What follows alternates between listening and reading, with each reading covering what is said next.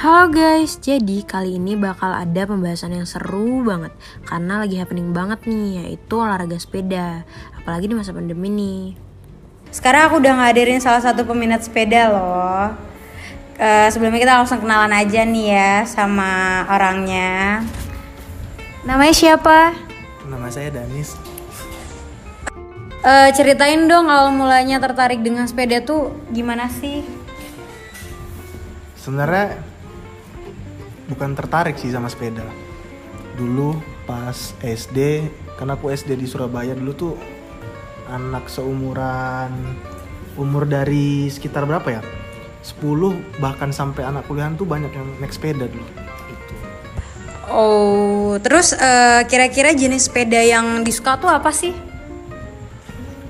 Nggak ada yang spesifik ya. Dulu tahun aku inget dulu tahun 2000 2011 itu zaman zamannya fiksi kan lagi rame-ramenya fiksi. Hmm iya iya. Nah terus aku bikin tuh fiksi tapi aku nggak cuman jadi penikmat sepeda lah di situ. Aku juga jualan gitu di situ.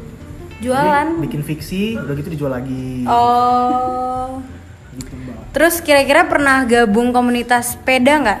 Pernah dulu tapi nggak begitu aktif sih cuman beberapa kali aja ikut. Itu komunitas fiksi. Gitu. oh gitu. Terus uh, pengaruh kira-kira apa sih pengaruh sepeda itu di masa pandemi ini? Banyak ya. Contohnya? Ya bikin orang jadi sehat salah satunya. Jaga stamina tubuh gitu kan. Di sisi lain juga ini sih kan banyak sepeda-sepeda jadul itu jadi kayak banyak yang restorasi ulang lagi gitu. Ngerti nggak maksudnya? Diperbaiki lagi jadi kembali seperti di, baru gitu. uh, dimodif ya? Nggak dimodifikasi sih sebenarnya dikembalikan seperti semula se seperti sedia kala gitu. Kayak keluar dari pabrik gitu. Terus uh, kira-kira kenapa kenapa di pandemi ini orang malah sepeda? Kenapa nggak olahraga yang lain? Kan jenis olahraga tuh banyak kenapa harus sepeda karena mungkin di sepeda kan banyak aspek yang bisa di ini nih, bukan cuma olahraganya aja sepedanya juga bisa jadi ini loh jadi hobi gitu bukan hanya bersepedanya aja gitu. Jadi sep sepedanya sendiri tuh bisa jadi objek gitu oh.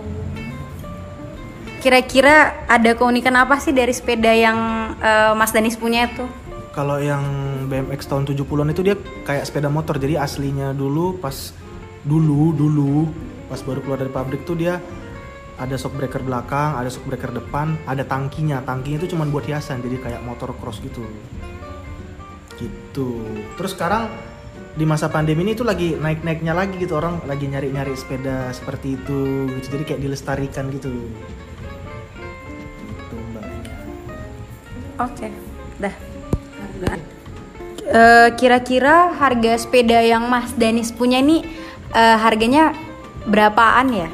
Ini agak sedikit sensitif sebenarnya. Iya tapi nggak apa.